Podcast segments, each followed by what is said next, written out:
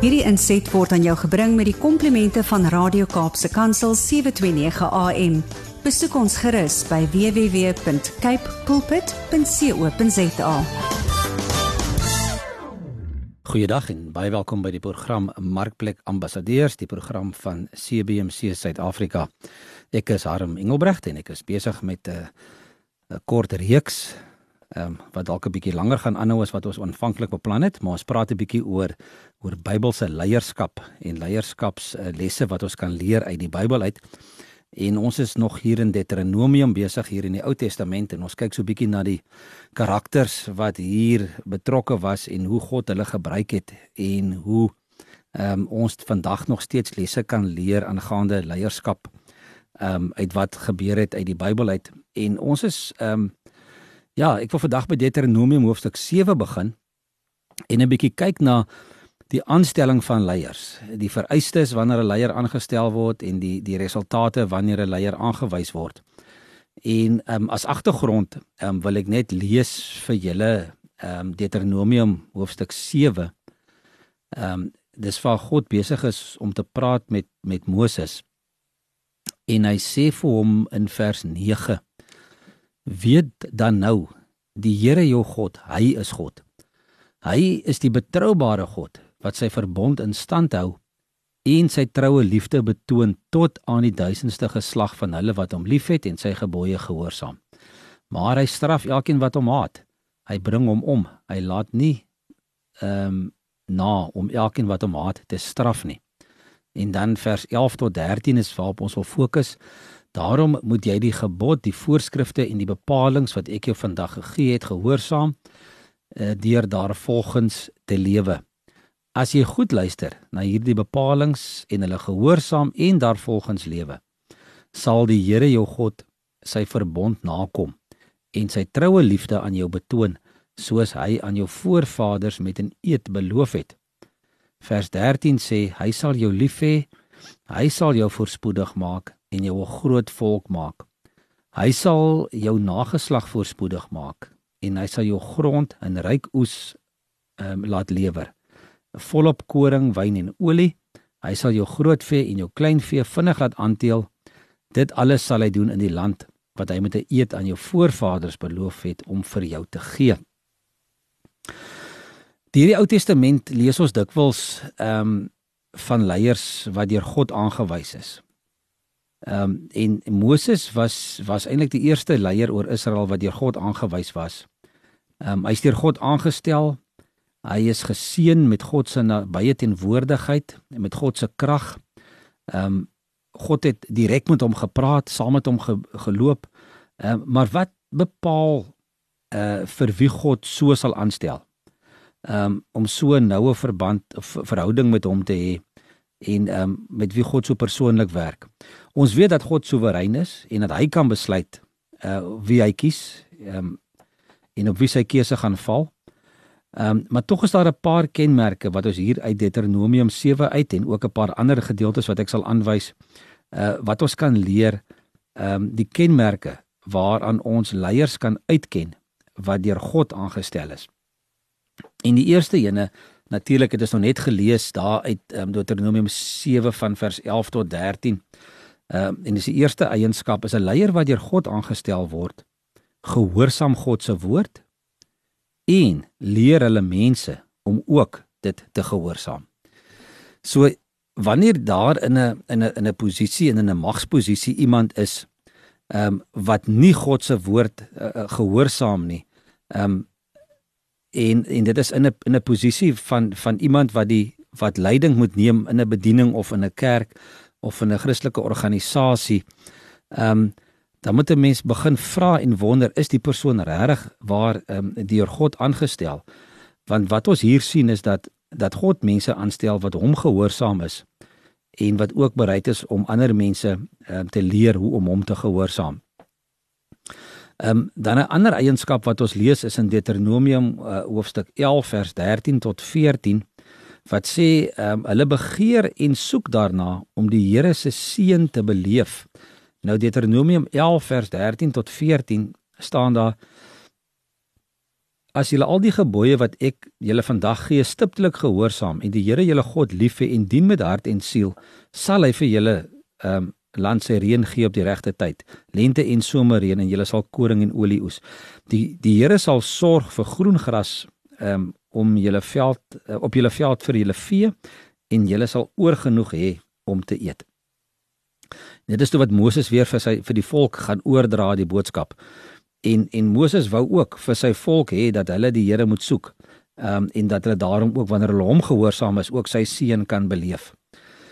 Die die derde uh, eienskap van 'n leier wat deur God aangestel is, lees ons daar in in Haggai hoofstuk 1. Ehm um, hulle werk aktief daaraan om die Here se huis te bou. Ehm um, nou Haggai hoofstuk 1 daarvan vers 7 tot 11 uh, lees ons dit. Ek gaan nie dit nou vir julle lees nie, maar jy is welkom om dit te gaan naslaan uh, waar die tempel herbou moes word en daar staan dan ook dat hulle aktief besig is om die Here se huis te bou. Die vierde eienskap van 'n leier wat deur God aangestel is, hulle erken God as die bron van alle seënings en gesag. En dit is daar in Hosea uh, hoofstuk 2 van vers 7 tot 9 lees ons dit. En dit is dat hulle ehm um, mense wat deur God aangestel is, is mense wat ehm um, God sien en er, en erken as die bron van alle seënings en gesag en die natuurlik die bron van alles wat wat ons het. En ook in dieselfde gedeelte in Hosea hoofstuk 2 vers 7 tot 9 is die volgende die vyfde eienskap. Ehm um, mense wat deur God aangestel is, gebruik hulle invloed vir God se saak eerder as vir hulle eie selfsugtige oorwegings. En dit is belangrik. Ehm um, wanneer wanneer jy as leier deur die Here aangestel is en sy werk doen, dan gaan dit nie oor jou nie. Dit gaan nie oor uh, wat jou uh, gemaklik maak um, of wat jou laat goed of mooi laat lyk nie. Dit gaan oor daai gehoorsaamheid aan God en wat is die beste uh, vir sy mense oor wie jy oor wie jy aangestel is en oor wie jy um, invloed moet uitoefen. En daar's nog 'n derde eienskap wat ook uit Hosea hoofstuk 2 vers 7 tot 9 kom. So ek wil gou daai stukkie lees. Ehm um, Hosea 2 ehm um, vers 7 tot 9 is die, die derde eienskap is hulle gebruik hulle invloed vir God se saak.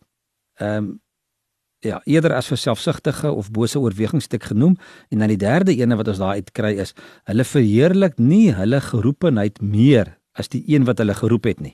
Met ander woorde, die roeping is nie belangriker as die een wat jou geroep het nie die een wat jou geroep het, God is nog altyd belangrik. Hy's nog steeds nommer 1 en dit gaan nie so seer oor oor wat jy gaan doen nie, maar dit gaan oor die een wat jou geroep het en dat jy hom gehoorsaam moet wees. En dan die ehm um, die volgende ene, die sewende eienskap van iemand wat deur God aangestel is, is mense wat hulle self vrywillig uh aan God wy. Ehm um, en aan sy werk. So hulle wy hulle self vrywillig toe aan die Here se werk en dit lees ons daar ook in Eksodus hoofstuk 35 van vers 20 tot 29 ehm um, waar Moses homself ook vrywillig aan God se werk toegewy het. En dan die laaste ene lees in lees ons in Numeri 4 ehm um, die eienskap van iemand wat aangestel is deur God is hulle waardeer en koester die feit dat God hulle aangestel het. Ehm um, met ander woorde jy erken dat jy deur God aangestel is, jy waardeer dit en dit, dit is vir jou jy, jy koester daai feit dat dit van God af kom en dat dit nie uit jou eie uh, toedoen uit is nie. En met al hierdie dinge wat ons nou genoem het, loop dit eintlik deur na na een ding toe en dit is die woordjie nederigheid. Want ons het nou gelees dat as jy deur God aangestel is, dan erken jy dit, jy gehoorsaam hom, jy wil die beste hê vir jou mense. En dit is tog in 'n mate ook wat nederigheid is. En dit is wat en dit is wat ons net in die volgende hoofstuk hier van Deuteronomium lees, Deuteronomium 8 uh, waar daar staan ehm um, dat dat jy nie die Here moet vergeet nie. En Deuteronomium 8 vers vers 1 tot 20 is nou 'n langerige gedeelte, maar ek gaan dit nie nou lees nie. Julle kan dit gerus gaan lees. Maar die die die feit hierso is wat hier gebeur het is dat die dat die Here die die die mense en vir, en vir Moses weer her, herinner het daaraan dat hy die Here is en dat alles van hom afkom en dat hy sal doen wat hy beloof het.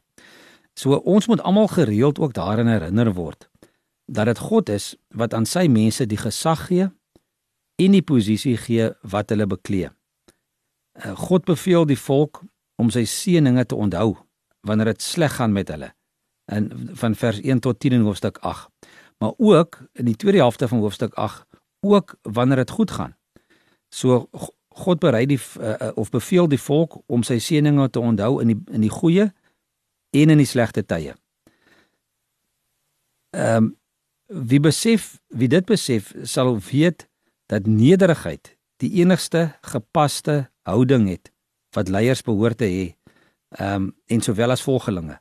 Uh, en God er, er, er, herinner leiers gedurig daaraan dat daar twee dinge is wat belangrik is in leierskap uh, wat gepaard gaan met nederigheid. En dit is nommer 1 is 'n voorreg om deur God uitgekies te wees. Ehm um, en want hy sal ons ook lei in al ons behoeftes voorsien. En die tweede ding is wanneer hy jou kies en aanstel, is daar 'n koste aan verbonde om uitverkies te wees. Ons moet op God se voorsiening staat maak en nie op onsself nie. So dikwels sal sal mense wat in leiersposisies is soog voor hierdie ehm um, noem dit maar die waan dat dit hulle self is uh, wat 'n sekere bedoel uh, doel bereik het of 'n oorwinning behaal het. Maar 'n mens behoort eintlik te erken dat jy sukses behaal het in jou hoedanigheid as 'n as 'n leier en dat jy dit behaal het in jou hoedanigheid as 'n ondergeskikte herder onder leiding van die van ons herder eh, die Here Jesus Christus. Dit is al manier om met God saam te werk. God skenk genade aan nederiges, maar hy weerstaan die hoogmoediges. Dis ook wat ons lees daar in Jakobus hoofstuk 4 vers 6. So wanneer dit kom by leierskap en wat jy aangestel is, is dit belangrik om te besef ehm um, dat wanneer dit van God afkom, uh, moet ons daardie daardie ehm um, eienskappe toon en ook natuurlik moet ons ook daar derentyd ehm um, nederigheid ehm um, aan die dag lê en nederigheid bewys. Die volgende ehm um, een wat ek nou wil kyk, die volgende uh, gedeelte, die volgende beginsel vir leiers is ehm um, wat ons lees daar in Deuteronomium hoofstuk 10 en 11 waar daar ehm um, waar die 10 gebooie weer opgeskryf word ehm um, en 'n klomp opdragte gegee word die leviete wat die ark moet dra en wat die en waar Moses weer sê die Here is God, julle moet hom dien en julle moet hom alleen lief hê en en gehoorsaam. En wat ons wat ons uit hierdie gedeelte uit ook weer leer ehm um, oor oor leierskap en en die voorbeeld wat ons kry by Moses is ehm um, dat ons ons leiding van God af moet kry in die eerste plek. Hy is die leier na die lewe en hy beveel sy volgelinge om hom te gehoorsaam. Maar God eis nie gehoorsaamheid sonder om goeie redes te gee daarvoor nie. Ehm um, hy hy hy gee goeie redes waarom hy van sy mense verwag om hulle te gehoorsaam.